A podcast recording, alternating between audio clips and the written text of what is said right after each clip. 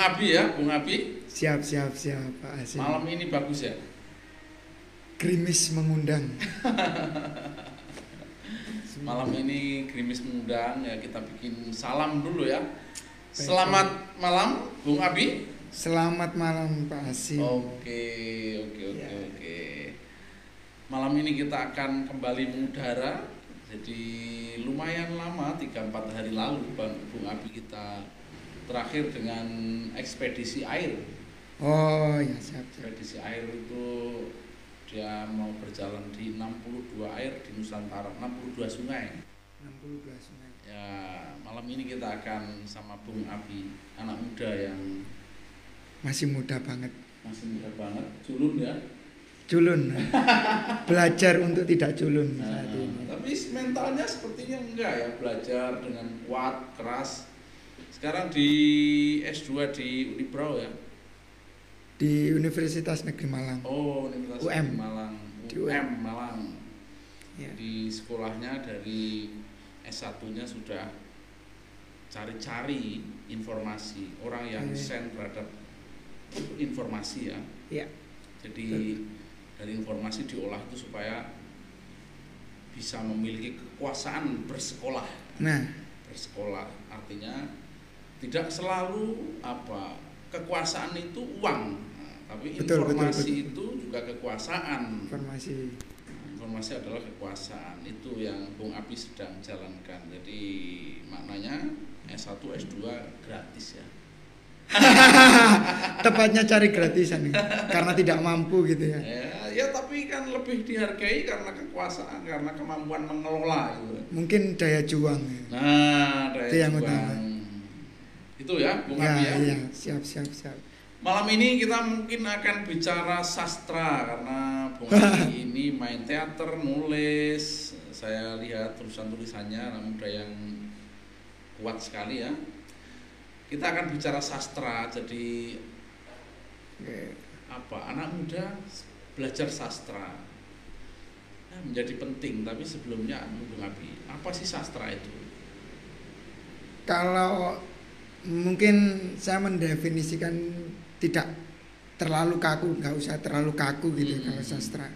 Ya kalau sastra itu ketika bayi tidur kemudian ibu uh, membe- me- memberi cerita atau uh, sedang bercerita ketika anak itu mau terlelap, lah secara tidak langsung pesan yang disampaikan melalui cerita itu masuk ke dalam seorang anak. Hmm. itu itu itu sastra gitu. Jadi ada maksud. Hmm. ada maksud. Karena di situ tentu orang tua pasti tidak uh, semerta-merta apa ya hanya sebatas memberi cerita. Tidak pasti pasti ada uh, Edukasi. ajaran edukasi terus kemudian apa ya? Ajaran-ajarannya mungkin inginnya anak itu menjadi apa yang diceritakan di situ. Tapi kalau yang itu yang anak-anak ibu-ibu yang yang itu pernah pernah lihat nggak di YouTube itu yang yang ngajak nyimeng gitu loh anak-anak yang diceritakan sama ibunya nyimeng itu ya ganja ganja ganja oh gitu ya, ya. aku nggak nggak Jadi tahu viral ya viral itu Oh, Tapi gitu. lumayan lama kan sudah Ya. setahun setahun setengah yang lalu itu ibu-ibu yang Ah. jadi di luar kebiasaan Di luar kebiasaan, ibu-ibu, ya. biasanya ibu-ibu bercerita itu ada Bercerita. ajaran ada pesan Iya. ada keinginan ada harapan tapi ini agak unik ya ibu-ibu itu Iya karena menurut saya ini budaya timur dan budaya barat ini saat ini bercampur aduk gitu ya Hmm. sehingga kita luput akan ketimuran kita dalam Hmm. arti sensenya rasanya Hmm. terus kemudian pola pikirnya juga ya anggap saja kalau tentang sastra atau te- tidak lepas dari tradisi lisan tentunya Hmm. Ya contoh ajaran-ajaran nenek moyang. Bukan nenek moyang ya apa ya? Mbah-mbah dulu. Itu mengatakan bahwa uh, ilmu kelakuannya kanti laku. Kalau il, ilmu itu apa ya harusnya ya dilakukan. Nah sekarang ilmu itu diujikan. Ya itu itu itu degradasi menurut saya. Ilmu diujikan. Diujikan bukan Degradasi. dilakukan. Degradasi awal. Degradasi awal. Itu. itu, itu, itu saya pikir itu sih ya yang yang membuat sangat Sastra. miris sekarang ya. Jadi di sana ada sejarah. Ada sejarah juga ya sastra itu? Eh, kalau saya mengatakan sastra itu itu multi ya multidisipliner ya. Hmm, iya iya iya. Ada edukasi ada Edukasi, sejarah, sejarah. ada pesan pesan gitu. Karena eh, sastra itu sendiri kembali ke ya seperti para wali songo itu pun juga mengajarkan sastra gitu. Hmm, dan sangat lembut. Sastra apa namanya?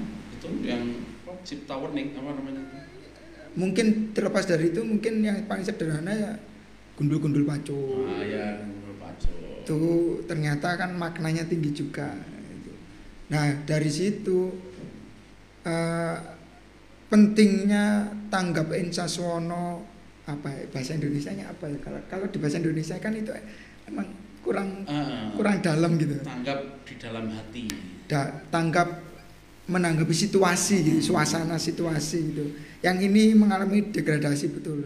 Nah, sastra di sini harus harus mengajarkan itu, mengajarkan terus untuk anak muda apa apa kita sedang ingin baca situasi atau apa perlunya kira-kira kok tiba-tiba anak muda kita sepertinya apa situasinya agak jauh ya banget Eh, jauh jauh banget pak. Karena kena, kar- kar- kar- karena kenapa? Ya s- contoh saja di di sekolahan itu pun Hmm. Saya pikir unsur intrinsik yang ada dipelajari di sekolahan itu tidak nyampe. Pelajaran yang di di sekolahan itu karena kaitannya pastinya bahasa dan sastra itu otomatis. Hmm. Karena tidak nyampe. Mungkin di beberapa sekolahan yang memiliki grade tinggi dan lain sebagainya eh, sangat teratur dalam mempelajari ilmu itu. Tapi banyak eh, sekolahan yang mungkin itu di pedesaan ataupun di kota bahkan Kota. atau basicnya yang berbeda tidak mempelajari ilmu secara apa ya untuk ilmu tapi praktikum basicnya praktikum itu biasanya nyambungnya kurang. Ya, Jadi berbeda-beda itu. soal pengetahuannya saja itu masih menjadi soal ya. Soal pengetahuan soal saja. pengetahuannya menjadi soal apalagi soal penerapannya. Penerapannya ya. Nah, karena pelajaran hmm, mungkin anak-anak tidak suka pelajaran tapi yang paling urgent itu adalah menumbuhkan daya untuk belajar itu.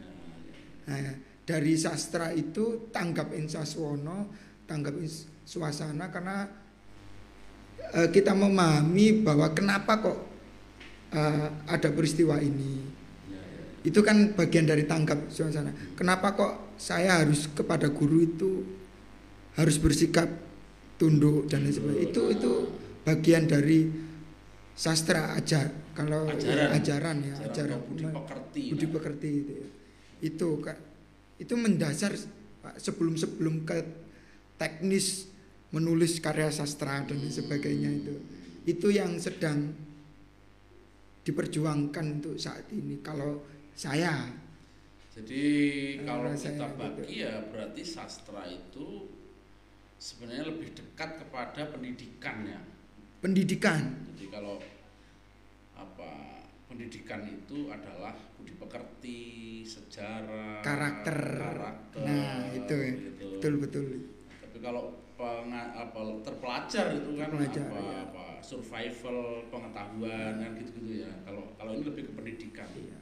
karena ada berdampingan memang ya bahasa dan sastra gitu. Untuk bahasa sendiri di di mata pelajaran itu misalkan dalam mata pelajaran apa ya eh, negosiasi ada nah itu kan hal yang sepele. Ya Sebenarnya sebenarnya kalau dibahas itu kan ilmu sosial. Nah, saya ingin bilang begitu. Gitu. Sebenarnya dasar-dasar pengetahuan sosial itu harusnya apa pelajaran sastra diperkuat ya. Harusnya Harusnya jadi Harusnya. membaca lingkungan, lingkungan. membaca lingkungan kemanusiaan, Kemanusiaan, lingkungan betul, hidup, betul, betul, lingkungan cuaca. Nah, kira-kira terus sampai kepada misalnya lanjutannya adalah analisis sosial, Sosial, ya. kemudian komunikasi, lobby, ya, sen terhadap informasi, ya, ada budi pekerti.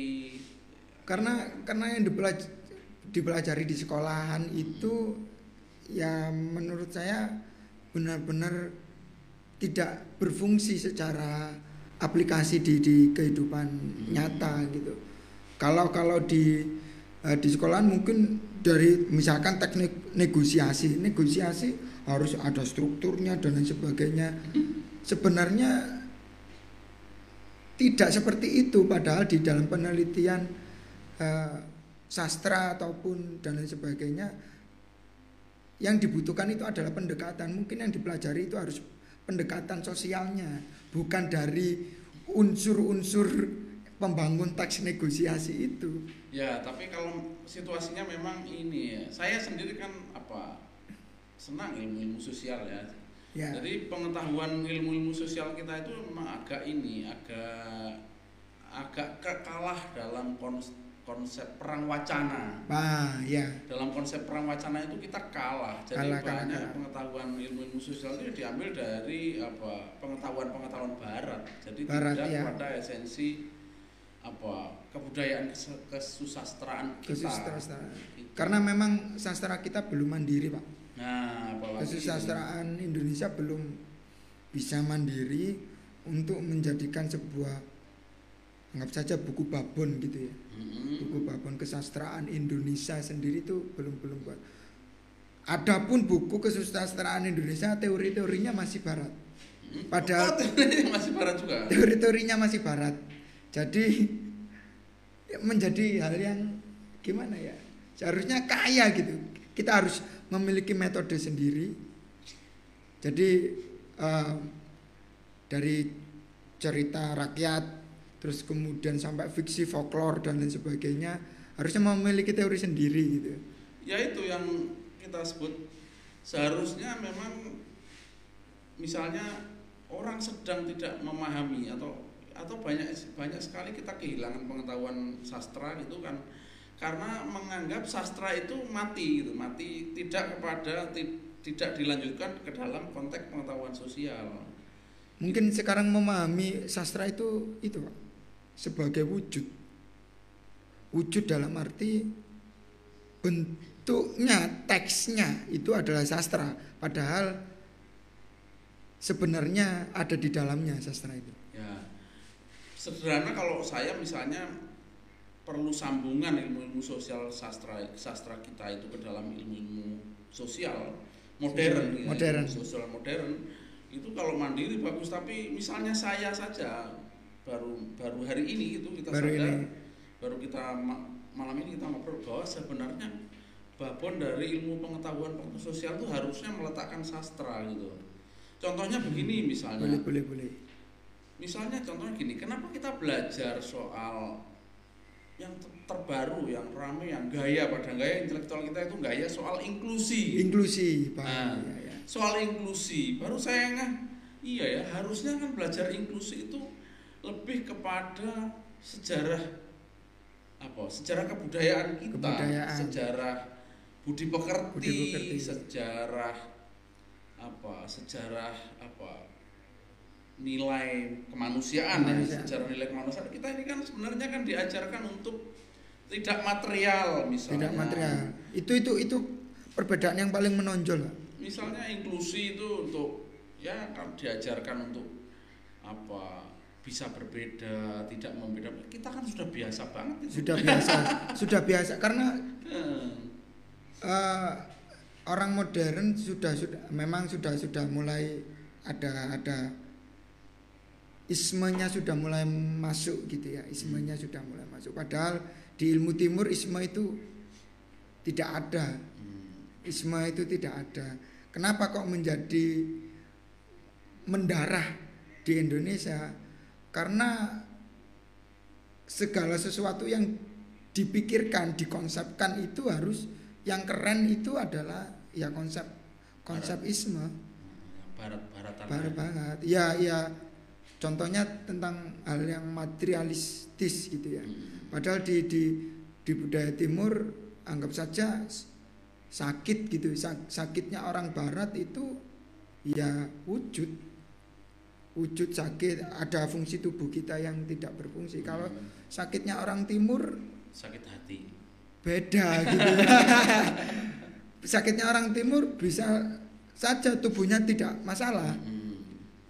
bicaranya normal Hmm. tapi ada sesuatu Ya. nah itu A- kan ada dendam, ada sakit hati, ada macam-macam. itu bagian dari sakit gitu. bagian dari sakit bahkan gangguan dari eksternal seperti roh halus itu itu bagian dari iya ada hantu yang nah, itu itu contoh sederhana gitu dalam Ya. kesastraan Jadi gitu ya. butuh ini, Pak. butuh katalisator ya, butuh apa? Butuh jubir-jubir yang Ya sebenarnya sebenarnya banyak banyak pegiat literasi bahkan eh, guru-guru di universitas itu memang sudah sudah apa ya, sudah membangun wacana itu untuk untuk bahwasannya kesastraan Indonesia harus mandiri. Tapi kembali lagi penelitian yang dilakukan di Indonesia dan di luar negeri itu memang beda. Jadi ya anggap saja Habibie membuat apa ya membuat pesawat itu jauh lebih dihargai ketimbang di di, di Jerman jauh lebih dihargai ketimbang Di dalam negeri. di dalam negeri karena eh, orang Indonesia sangat percaya kurang percaya kepada orang Indonesia sendiri bahkan penelitian pun kalau di luar ya memang sudah kamu butuh berapa silakan meneliti tentang misalkan sejarah ini sudah percaya penuh yang terpenting outputnya apa jelas bla bla. Kalau di sini uang dana nanti dananya buat buat, apa? Gitu. Gitu ya. Terus peneliti eh, melaporkan anggarannya jauh lebih sukil, sulit ketimbang penelitian. penelitiannya itu. Kan ribet gitu ya. Kalau penelitiannya masih bisa ini ya, copy paste copy paste Google ya. itu itulah itulah perkembangan Jadi keprihatinan kita ini ya, jadi kenapa ya? Apa apa kekalahan apa perang wacana ya? Jadi Iya. kalau misalnya menteri-menterinya luar negeri gitu kok nggak paham apa-apa gitu ya. Iya. Atau lulusan-lulusan Amerika gitu kan jadi nggak paham bahwa sastra itu adalah pengetahuan yang menjadi dasar apa citra apa citra model pengetahuan pengetahuan Indonesia kan itu apalagi misalnya yang tadi saya bilang tuh soal kalau dia menjadi babon ilmu ilmu sosial itu tentu kita nggak usah nunggu workshop workshopnya dengan istilah inklusi gitu. Padahal kita Hmm. sudah biasa kan bersifat inklusi itu Inklusi. malah orang Indonesia. Inklusi banget. Orang Indonesia. Inklusi banget. Jadi pintunya yang nggak dikunci orang ngambil air putih di dapur biasa saja. Biasa saja. Tiba-tiba sekarang di sekolah-sekolah diajari inklusi dengan istilah baru itu kan. Iya karena memang eh, sastra itu memang ilmu humaniora memang. Kemanusiaan tentang tentang sosial. Jadi bagaimana memahami sastra itu bukan hanya sebagai teks gitu. Meskipun kebudayaan di Indonesia itu ada satu yang terlewati gitu ya. Habis budaya lisan harusnya tulis. ada tulis. Terus Ya. kemudian ada entah itu pertunjukan dan lain sebagainya gitu. Ya. ada ada satu yang terlewati.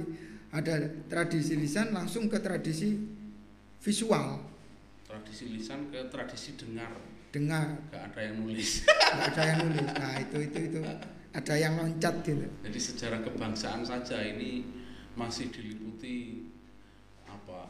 Curiga dan mitos ya. mitos. Secara ya. secara kebangsaan keberdirian negara ini kan masih diliputi mitos dan ini dan kalau mitos Kecurigaan. ya dan kalau me- memang mitos itu menjadi sebuah apa ya ciri khas bangsa kenapa kita mesti malu gitu harusnya kalau menurut saya gitu Ya tapi kalau tradisi tulis kan memang harusnya uh, fakta dulu toh sebelum mitos. ya Problem situasi hari ini misalnya sejarah sejarah yang ditulis itu kan penuh kecurigaan misalnya sejarah apa Sabto Palon atau negara Kertagama ngono yang nulis katanya ya apa masih ada curiga yang nulis juga orang Belanda apa gitu pesanan gitu gitulah ya ya itu memang banyak banyak itu banyak Hmm, banyak pro dan kontra gitu ya. tapi eh, kembali lagi memang dari me- kalau memang itu menjadi karena sa ya berangkatnya kita dari animisme dinamisme dan ke- kekuatan yang saat ini yang diandalkan itu yang saat ini sangat diyakini ya memang spiritua- spiritualitas. Hmm. di, di, di budaya timur sangat kuat itu. Dan segala sesuatunya berbalik menjadi harus disainkan. Ya itu. Itu kan juga problem jadi. Oke Bung, ini kita masuk ke ini Bung, baca ini. Ada Mas Irwantoro. Mas Irwantoro ini oh iya, orang yang suka muter-muter nih, nyimak katanya. nyimak gitu Dan ada ini JR Kadem, JR Kadem itu Sambil ngopi mawon gitu. Ah, JR Kadem itu jaringan radio komunitas untuk demokrasi Bu. Hmm. Itu lumayan di Pacitan, di Ponorogo, di mana di apa Sidoarjo, Jombang, Blitar, nah itu Surabaya. Sebagian kaum milenial mungkin memilih sastra hanya sekedar keren-kerenan, nah itu ya. tapi belum paham makna edukasi sastra yang sebenarnya. setuju Seperti apa Mas Abi? Nah itu pertanyaan itu Mas Abi itu. Kalau Ya. saya sih malah belum, oh. kita ini belum keren-kerenan. oh. Ya cuma Mas Abi aja yang keren. enggak Gimana? gimana? gimana ya iya memang ya kenapa kok ini menjadi PR juga bukan PR sebenarnya bebas-bebas apa saja siapa pun yang itu berpenampilan keren ada kenapa ini menjadi pertanyaan kenapa kok anak sastra harus gondrong gitu Hmm. kenapa anak sastra itu harus sobek-sobek gitu ya Oh ya. So- celananya celananya maksudnya celana celana ya ya kenapa gitu ya? Terus kemudian kenapa anak berkegiatan di kesenian itu harus harus ya badannya nggak terawat gitu ya? Hmm. Gembel. gembel jarang mandi gitu ya menjadi ya itu mungkin tertekan karena kegiatan mungkin nggak masalah ya mungkin. Tapi kalau menjadi sebuah apa ya ya kalau kalau merujuk ke sederhanaan oke lah boleh lah Kalau saya sih saya bantu untuk menjadi lebih ideologis. nah. Karena protes. Protes kekalahan wacana jadi apa kesusastraan Indonesia yang tidak dihargai gitu. Nah, misalnya terus protes terhadap kekuasaan yang sangat materialisme. Nah kira-kira gitu gitulah ini ya bahkan bahkan ada mulai mulai sastra harus mulai merambah ke entrepreneur oh. Loh, iya serius gitu ya ya ya ya entrepreneur Ba- baga- baga- bagaimana sastra itu menjadi produk terus kemudian mampu dijual ya. sepertinya belum siap Ya, saya lihat ini gap pemudanya. Jadi pemuda pemuda ini sedang kita sedang kita lihat apakah sedang belajar sastra atau tidak, Mas Abi. ya ya memang pada umumnya, memang serba repot ya. anak-anak milenial atau anak-anak generasi Z ini sedang belajar sastra atau tidak, itu juga persoalan. ya ya ya saya menyadari sendiri Hmm. di angkatan saya pun Mm-mm. seusia saya itu ketika sudah lulus sekolah Hmm. apalagi mengikuti tren gitu ya bagaimana teman-teman langsung bekerja gitu. Terus kemudian harus membeli kendaraan baru. Sementara orang yang anak yang seperti saya pun harus apa ya harus belajar harus rela berpuasa karena tema itu ya, Mas Idam. Berpuasa untuk bergaya ber, ber, ber apa ya istilahnya bersandang-sandang apa? Apa? Ya ber, anu, belajar lah ya. Ya belajar ya. Nah itu itu apa ya? Menurut Paradok. saya paradok ya. Karena men- kalau menurut saya itu memang saya seolah-olah itu ketinggalan dengan teman-teman yang dari awal itu sudah bekerja. Misalkan sudah kalau kalau paham materialistis. Mm-mm. dalam paham materialistis saya adalah orang yang paling tertinggal. Kenapa teman-teman saya sudah pada menikah sudah pada beli mobil.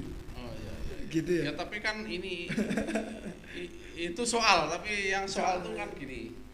Yang soal tadi itu yang kenapa nggak belajar sastra? Iya. nah, udah ya anak-anak muda mulai mulai nggak mau belajar sastra. Itu itu itu problem situasinya ya. Situasi betul. Problem situasi.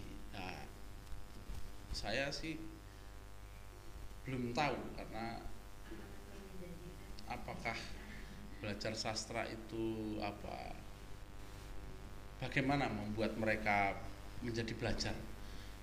Walaupun sebenarnya kalau kita diskusi ini kemudian di dalam cara berpikir saya yang baru adalah sebenarnya pelajaran sastra itu kalau misalnya mampu apa diterjemahkan di dalam konteks yang sangat luas gitu tapi dipecah-pecah di dalam apa keilmuan-keilmuan Keilmuan baru baru.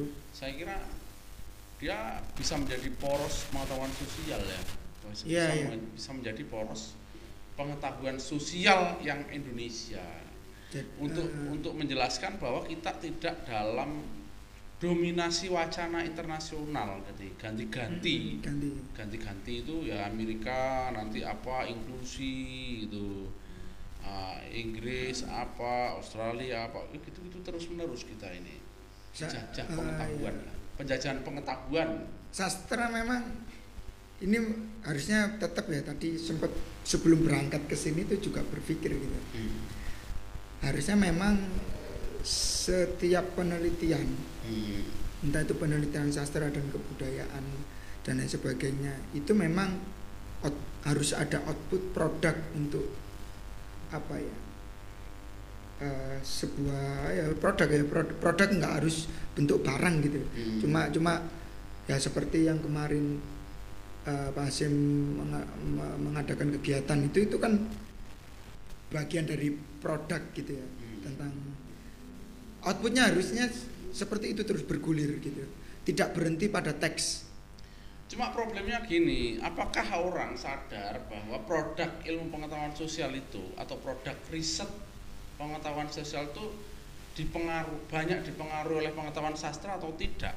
Itu saya kira kita mesti ini, mesti mesti cek gitu, mesti cek atau mesti mesti tekankan kembali bahwa produk-produk pengetahuan sosial itu harus mau memberi konklusi bahwa sebenarnya ilmu pengetahuan sosial Indonesia di dalam konteks hasil-hasil kekinian, riset-riset Hmm, kekinian iya, tuh iya. disambungin ke dalam ilmu-ilmu babon kesusastraan itu sendiri sehingga tidak tidak terputus gitu loh. Dan orang-orang kita masih senang sekali mencuplik-cuplik gitu hmm, pengetahuan-pengetahuan yang tadi saya bilang itu kebarat-baratan itu loh. Bu. barat-baratan Nah ini yang kemudian ya menjadi nggak menjadi gak asik kesusastraan kita itu menjadi ditinggalkan karena dianggap dianggap apa ketinggalan.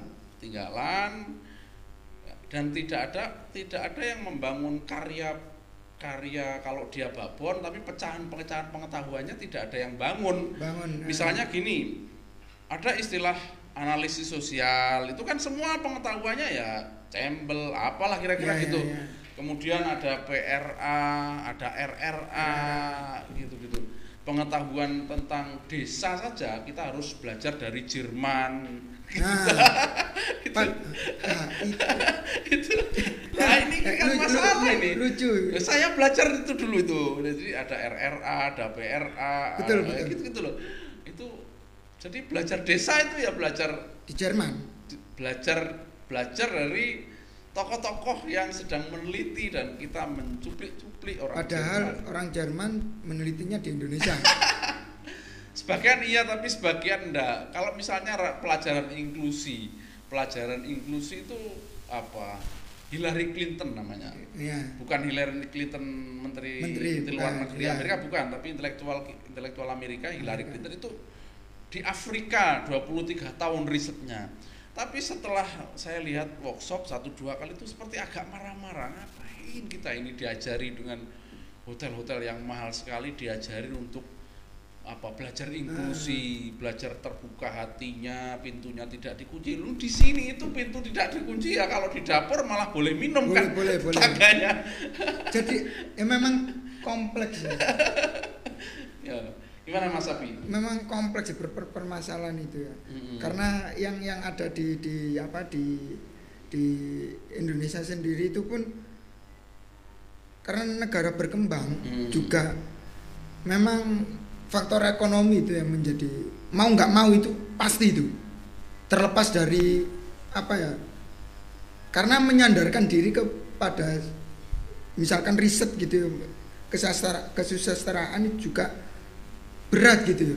hidup hidup di misalkan saya menderma baktikan seluruh ya mungkin dua tahun 10 tahun ke depan mungkin akan berjaya gitu ya nulis. Seperti penulisnya Harry Potter gitu awalnya siapa gitu. Kemudian ketika difilmkan baru menjadi konglomerat itu ya. Nah Kalau Indonesia di- ini, belum siap kalau Indonesia ini sastranya mestinya harus petikan ilmu sastra ilmu politik. Sastra.